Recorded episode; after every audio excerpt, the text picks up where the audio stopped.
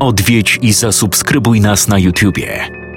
Bądź na bieżąco z nowymi filmami i słuchaj jeszcze więcej mrocznych historii. Mystery TV Więcej niż strach.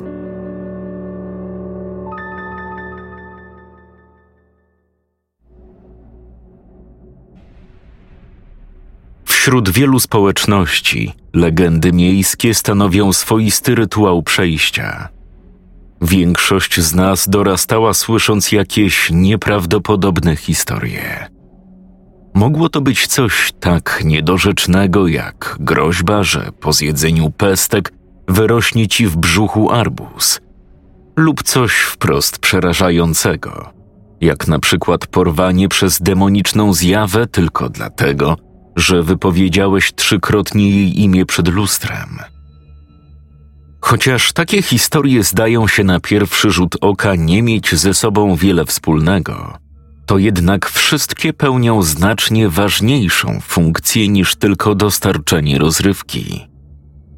Legendy miejskie to dla dzieci tak naprawdę pierwszy test na krytyczne myślenie.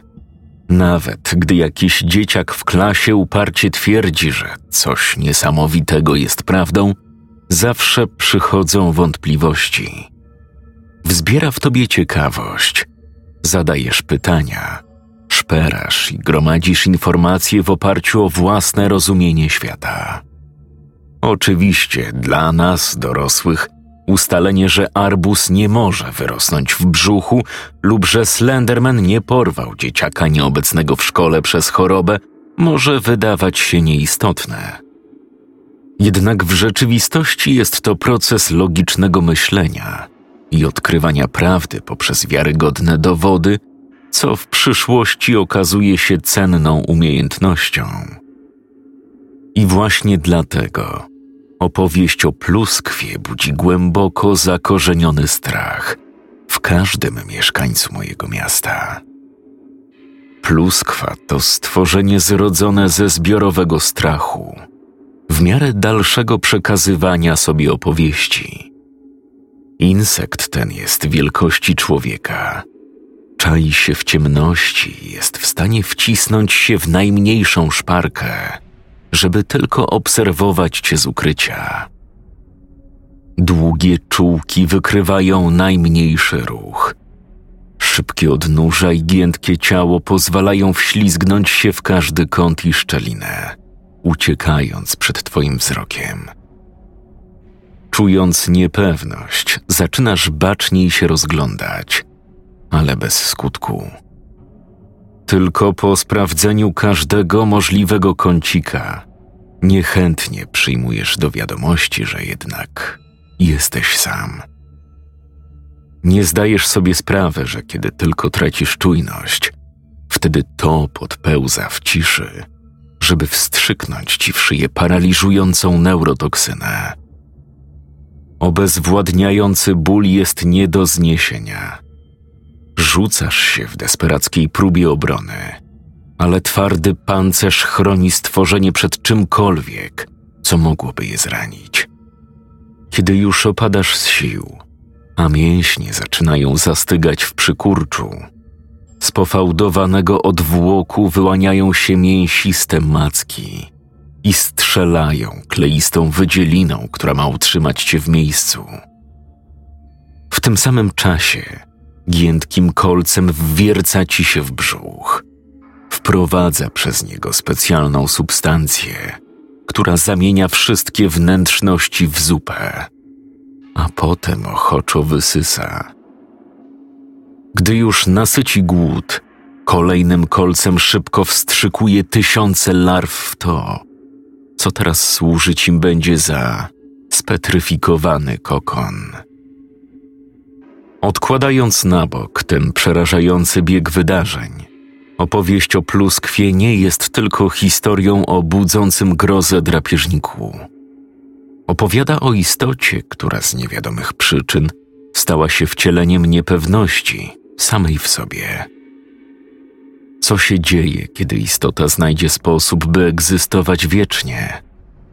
Nie tylko wtedy, jak już wreszcie zdecydujesz się otworzyć oczy i rozejrzeć wokół, Może być przecież pod twoim łóżkiem, w twojej szafie, w każdym ciemnym kącie, którego nigdy nie ośmieliłeś się sprawdzić.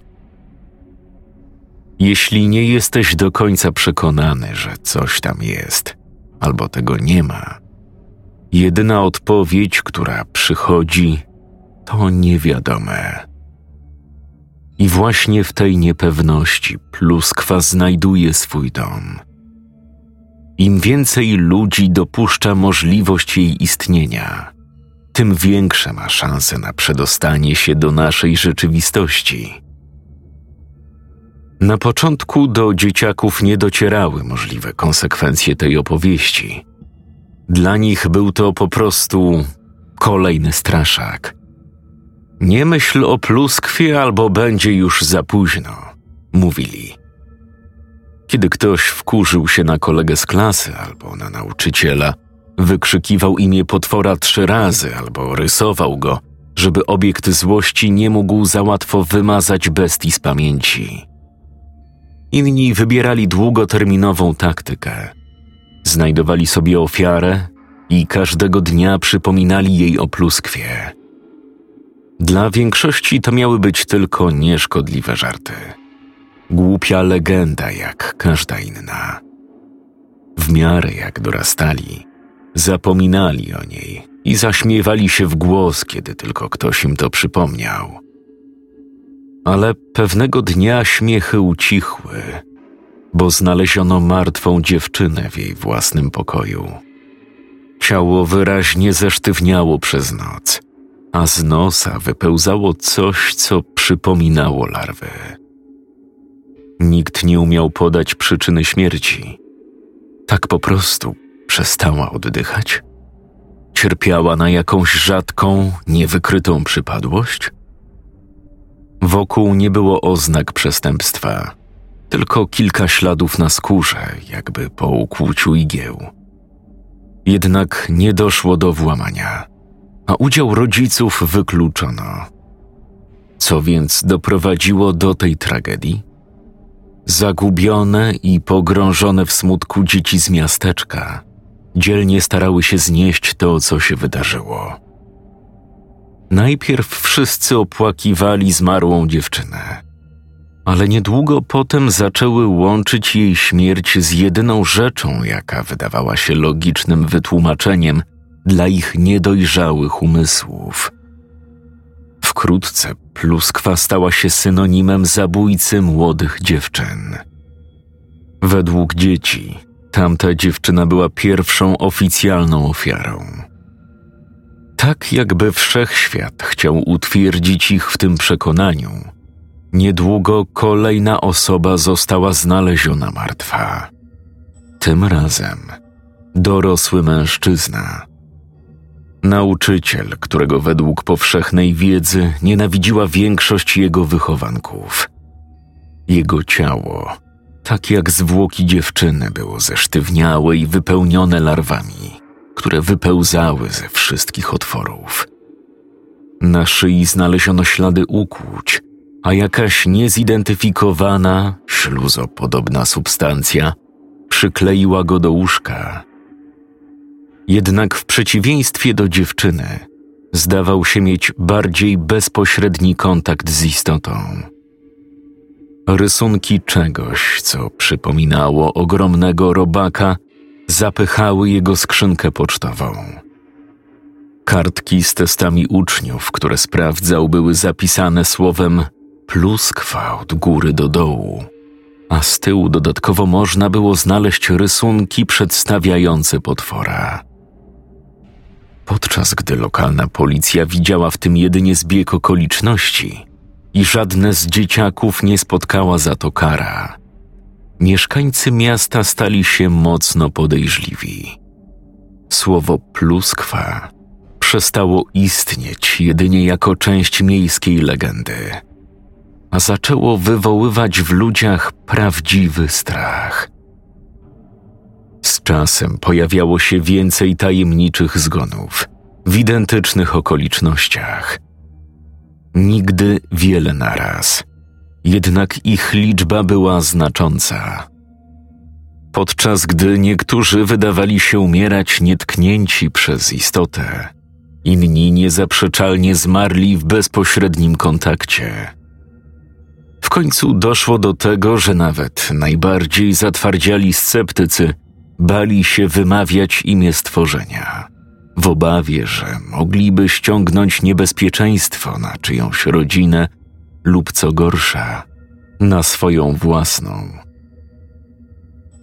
Mały chłopak bawił się na podwórku w słoneczne, niedzielne popołudnie. W pewnej chwili dwaj koledzy z osiedla, którzy przechodzili obok, zatrzymali się i zaczęli z nim gadać. Wyjęli z kieszeni garść drobniaków, a chłopak wszedł do domu. Po minucie wrócił z kawałkiem kredy. Wyszedł jak gdyby nigdy nic na chodnik i zaczął coś rysować, podczas gdy koledzy chichotali, przypatrując się uważnie. Nie był nawet w połowie zapisywania wyrazu, kiedy nagle z domu wyskoczył jego ojciec, jakby się gdzieś paliło. Złapał chłopaka jedną ręką i kopnął kawałek kredy na drugą stronę ulicy. Pan Ned, do którego tak zwracały się dzieciaki, był jednym z najspokojniejszych mieszkańców osiedla. Sympatyczny, religijny człowiek, który nigdy nie podnosił głosu. Teraz był czerwony jak burak. Nawrzeszczał na dwóch chłopaków z osiedla. Kazał wynosić się sprzed domu, a potem zwrócił się do syna. Masz tego kurwa nigdy więcej nie robić, rozumiesz? Krzyczał tak głośno, że ludzie zaczęli wyglądać z okien. Jakaś kobieta wyszła nawet z domu, żeby zobaczyć, co się dzieje. Pan Ned tylko coś odburknął w jego stronę, a potem z takim samym tonem, jakim upominał syna, kazał jej wracać do siebie, zaciągając chłopaka do domu mocnym chwytem za ramię. Od tamtego dnia młody nie mógł wychodzić w innym celu niż do szkoły, dopóki nie wyjedzie na studia. Prawdopodobnie dwójkę jego znajomych, którzy pomyśleli, że zabawią się płacąc dzieciakowi kilka groszy za napisanie na chodniku imienia potwora, spotkały w domu jeszcze większe konsekwencje. Dość szybko legenda o pluskwie przestała być tylko lokalną opowiastką. Stała się faktem. Tak jak słońce wschodziło na niebie, tak samo pluskwa wyłaniała się z ciemności. Dla mieszkańców rozmowa o czymś, co choćby przypominało tę istotę, była tematem tabu.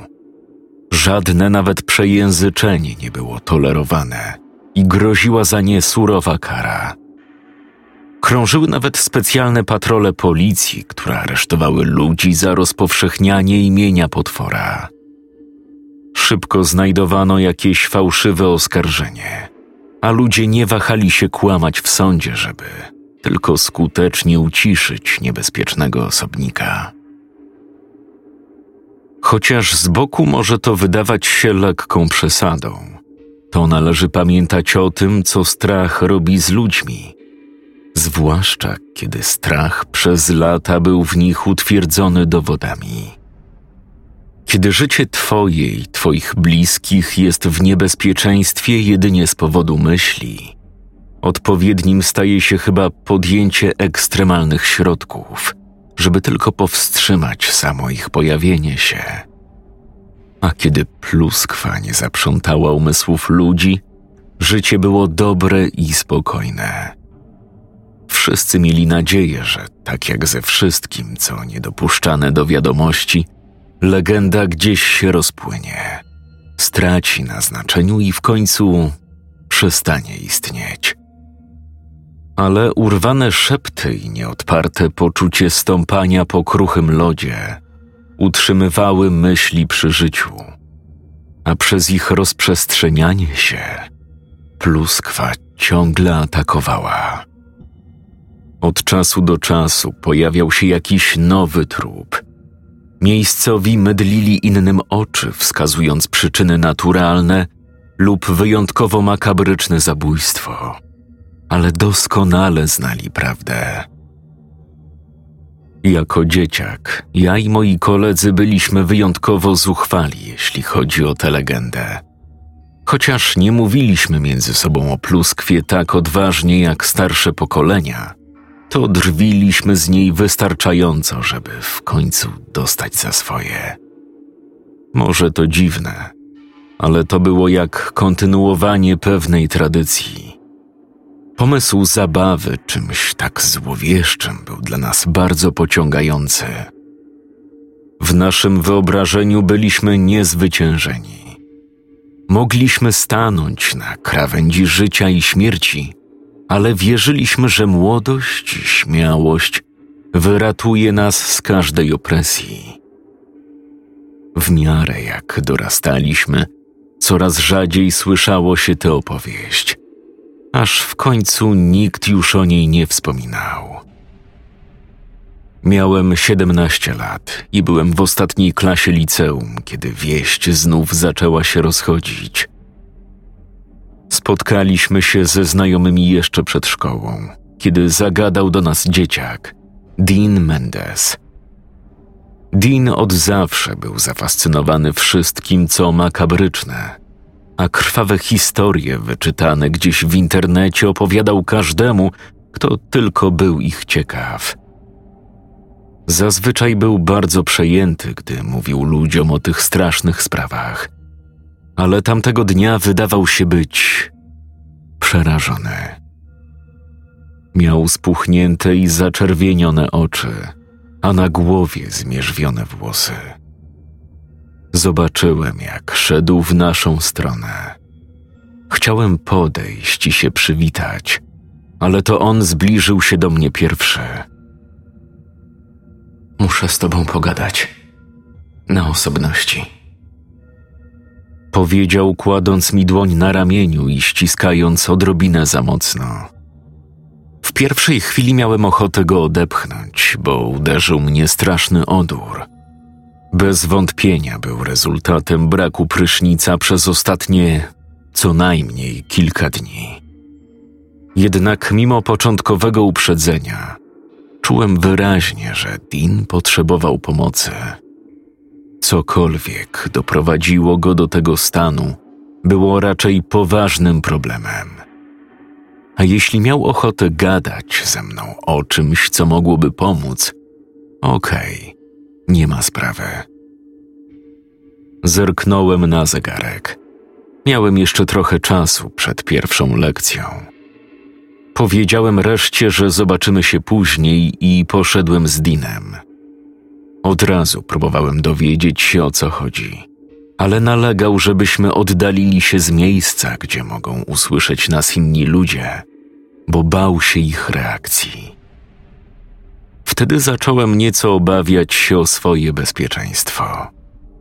Mimo wszystko czułem pewną przewagę, biorąc pod uwagę różnice w naszych rozmiarach i fakt, że w przedniej kieszeni spodni trzymałem scyzoryk, tak na wszelki wypadek. Kiedy już upewnił się, że jesteśmy w odpowiedniej odległości od wścibskich uszu, zaczął płakać. Zawaliłem sprawę, stary. Na całego. Zjebały mi to strasznie. Powiedział, kryjąc twarz w dłoniach. Odpowiedziałem, że cokolwiek to jest, wszystko będzie w porządku, że jestem z nim, co by się nie działo. Nic nie rozumiesz. Przesadziłem. Grubo przesadziłem. Uspokojenie go zajęło mi dobrą minutę, a kiedy już przestał płakać, w końcu zaczął mówić konkrety. Co się stało? Nastała cisza. Dean rozejrzał się wokół, a potem podszedł i chwycił mnie za ramiona. Przywołałem tę przeklętą pluskwę. Byłem taki ciekawy tej legendy. Czy to wszystko to prawda? Ostatni miesiąc poświęciłem na poszukiwaniach. Musiałem sam to zobaczyć. Potrzebowałem dowodu. Tak robią ludzie ciekawi świata, prawda? Badają różne sprawy. Sprawdzają, czy można jeszcze znaleźć na tym świecie trochę szaleństwa. I ja je właśnie znalazłem. Ale nie wiedziałem, że to będzie coś takiego. Na początku nie wiedziałem o co mu chodzi, ale po chwili dotarły do mnie przebłyski dziecięcych opowieści, a mój umysł szybko powiązał tajemnicze przypadki śmierci i dziwne zachowanie związane z tym imieniem. Ale o ile pamiętałem, pluskwa zawsze zabijała swoje ofiary. Zostawiała jedynie zwłoki wypełnione swoim potomstwem. A jednak Dean wyglądał na okaz zdrowia. Zapytałem, jak to możliwe. Jeśli naprawdę przywołał pluskwę, dlaczego ciągle jeszcze żył? I czemu mi o tym opowiadał? Wzruszył ramionami. Wiedział tylko tyle, że pluskwa rozkazała mu opowiedzieć o spotkaniu z kilkoma osobami w zamian za darowanie życia. Miał im przypomnieć, że potwór wciąż tam jest. Dean dostał listę nazwisk. Wahał się, czy postąpić według instrukcji tego stwora, ale koniec końców wybrał życie. Chciałem być zły na to, co mi zrobił.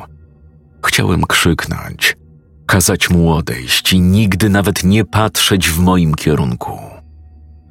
Ale wiedziałem, że to na nic. Widziałem w jego oczach strach, a jego stan nie wskazywał na to, że robił coś z własnej, nieprzymuszonej woli. Nie miał wyboru.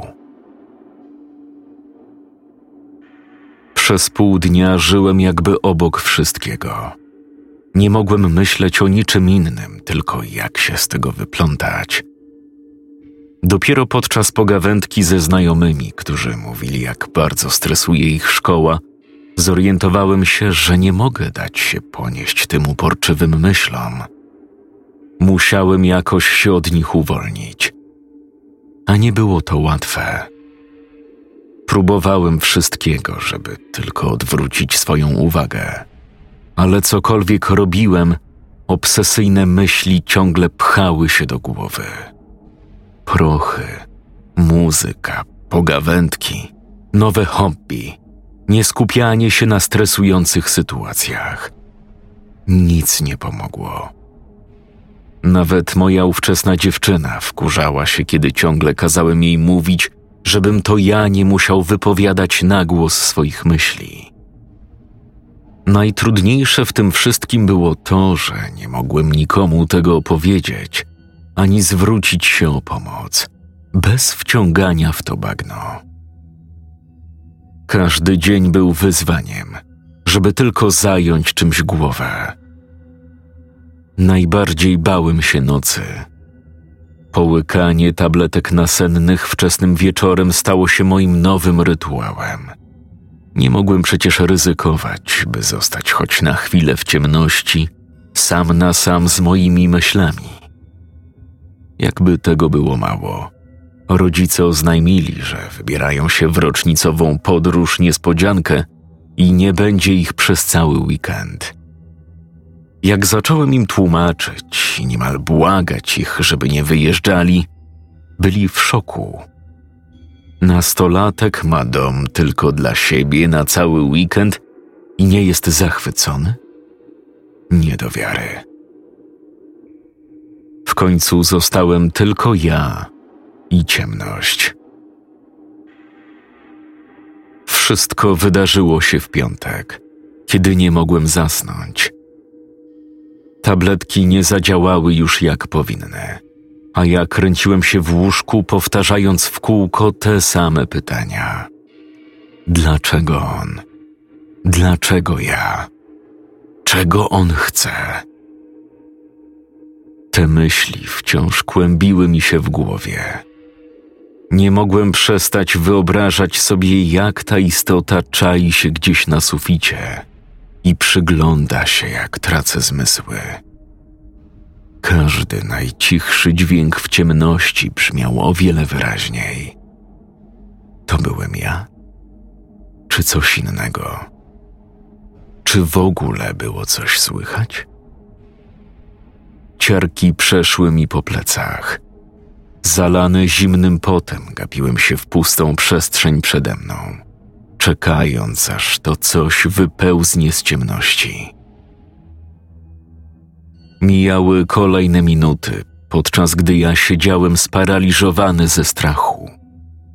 Ciemność w pokoju idealnie odzwierciedlała niepewność mojego umysłu.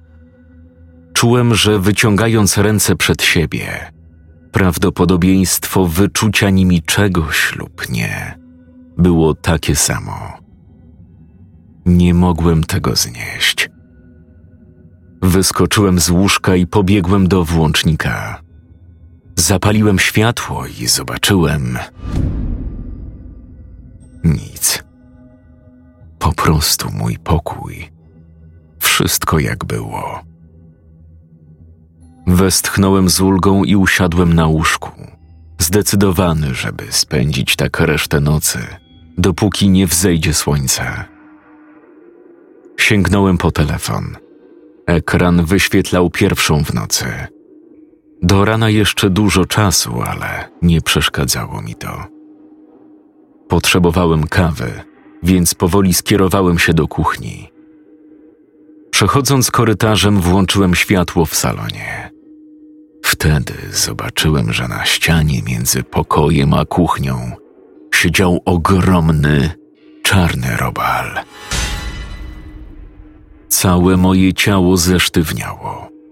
Nie odważyłem się ruszyć, patrząc, jak jego czułki poruszają się w powietrzu w poszukiwaniu najdrobniejszych wibracji.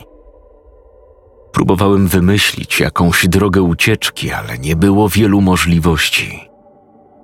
Do głowy przyszły mi tylko dwie: wrócić szybko do pokoju lub wybiec przez drzwi wejściowe.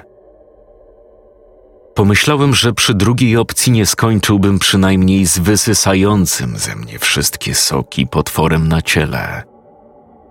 Ledwo skręciłem stopę, a czułki tego stworzenia zaczęły szaleć. W mgnieniu oka owad zbiegł ze ściany i był już na podłodze, kierując się w moją stronę.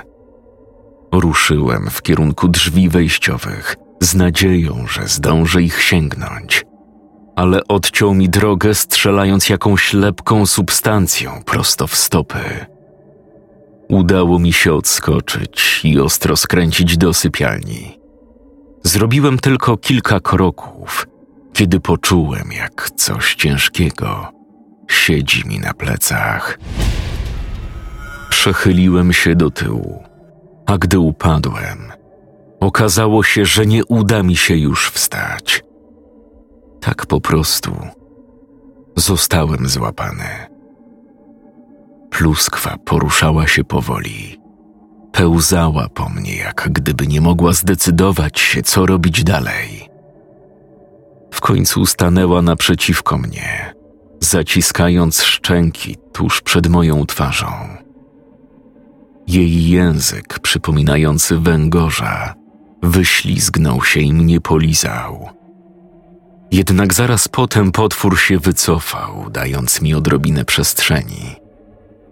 Zamiast zrobić ze mną to, co z innymi, stanął na tylnych odnóżach i odsłonił jakiś otwór otoczony przez rzędy ostrych zębów. Nagle zaczęła się z niego powoli wynurzać grudkowata bryła pokryta gęstym śluzem. Dojrzałem w niej jakby dwa rozcięcia, przez które chwilę później wyłoniły się białka oczu. Chociaż oczy wyglądały na ślepe, to istota wodziła wzrokiem po całym pokoju, zanim w końcu zatrzymała go na mnie. Gdy już jej oczy mnie zlokalizowały, wydała z siebie okropny, rozdzierający uszy dźwięk. Zaledwie kilkanaście centymetrów pod oczami ukazała się paszcza a w niej długie, zepsute zęby wystające z nabrzmiałych dziąseł. Ku mojemu przerażeniu, twarz osadzona w tym ohydnym stworze umiała mówić. Nie musisz się bać. Dzisiaj nie zginiesz. Nie przeze mnie. Wymagam Twojego posłuszeństwa. Zamian zostawię w spokoju Ciebie i Twoją rodzinę. To uczciwy układ. Jedynym, co zdołałem z siebie wydusić, było ciche. Co?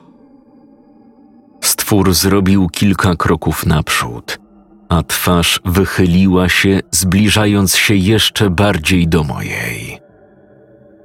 Życie w zamian za służbę. Łatwo zrozumieć i wykonać. Czego ode mnie chcesz? Ja chcę tylko wrócić do łóżka, proszę. Mówiłem dalej, jąkając się i próbując powstrzymać łzy. Kąciki nieistniejących ust uniosły się, tworząc coś jakby na kształt dziwnego uśmiechu. Twarz cofnęła się w głąb ciała, a potem znów wychyliła, by przemówić. Chcę, żebyś rozsiał dalej nasienie.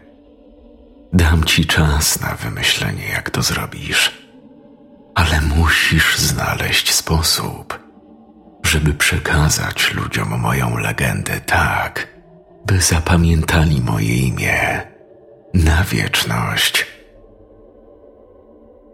Pomyślałem wtedy, że to działa jak wirus. Wirus, którego żywicielem jest sama myśl o nim. A biorąc pod uwagę zanikającą liczbę żywicieli w tym mieście, wybrał mnie, żeby móc się dalej rozprzestrzeniać. Wykonanie jego polecenia wiązało się ze sprowadzeniem niebezpieczeństwa na wiele osób, ale wtedy mając przed oczami tę szatańską istotę. Jedyne, co mogłem z siebie wykrztusić, to. Zgoda. Zgoda. Zrobię co zechcesz. Najwyraźniej zadowoliła go moja odpowiedź, bo po chwili twarz stwora zaczęła chować się w otworze. Jednak jakaś część mnie nie wytrzymała. Kazałem mu poczekać i ku mojemu zdziwieniu zatrzymał się. Dlaczego? Dlaczego to robisz? Jesteś inteligentnym stworzeniem. Na pewno rozumiesz, jakie zadajesz nam cierpienie. Dlaczego nie możemy jakoś koegzystować? Swoim pytaniem chyba zbiłem go trochę z tropu. Przez chwilę kąciki ust opadły, a oczy wywróciły się do tyłu, nim znów spojrzały na mnie w neutralnym ustawieniu. A dlaczego pająk zjada muchy? Dlaczego lew poluje na antylopy? Dlaczego ludzie zażynają świnie, ryby, siebie nawzajem? Bo taka jest właśnie ich natura. Znów pojawił się ten pseudo-uśmiech. A czy nasze życie nie jest ważniejsze od tej natury? Gdy zabijamy, to tylko po to, żeby przetrwać. A ty robisz z nami coś znacznie gorszego. Znów się zatrzymał i splunął w moją stronę, zanim zaczął mówić. Jakże samolubnym jest twierdzić, że tylko wy macie prawo do przetrwania. Pożywiam się, żeby utrzymać się przy życiu. Wy zmieniacie całe ekosystemy. Powodujecie, że wymierają kolejne gatunki tylko po to, by zaspokoić swoją próżność. Na pewno dociera do Was, tak jak do mnie, jakie zadajecie cierpienie. Stwór zaczął owijać wokół mnie swoje ciało. Kilkanaście ostrych odnóży wbijało się w moją skórę. Tym razem jednak to wy staliście się ofiarą. Powinieneś być wdzięczny, że zdecydowałem nie jeść więcej ponad to, co zaspokaja głód. Czułem końcówkę żądła opierającą się na mojej szyi. Zacisnąłem oczy, przygotowując się na bolesne ukłucie, ale tak nagle jak stwór się pojawił, po chwili zniknął. Niechętnie otworzyłem oczy i na całe szczęście okazało się, że zostałem sam. Poza tym odzyskałem zdolność ruchu. Niestety nie czułem się jednak wolny, a już na pewno nie czułem się bezpieczny. Jedyną rzeczą, jaką mogłem się wtedy zająć, było rozmyślanie. Po raz pierwszy od bardzo dawna wiedziałem, że moje myśli nie sprowadzą już na mnie niebezpieczeństwa. Jednak obawa o własne życie została zastąpiona obawą o życie innych. Wtedy jeszcze nie miałem pojęcia, że analizowanie tej sprawy zajmie mi całe lata.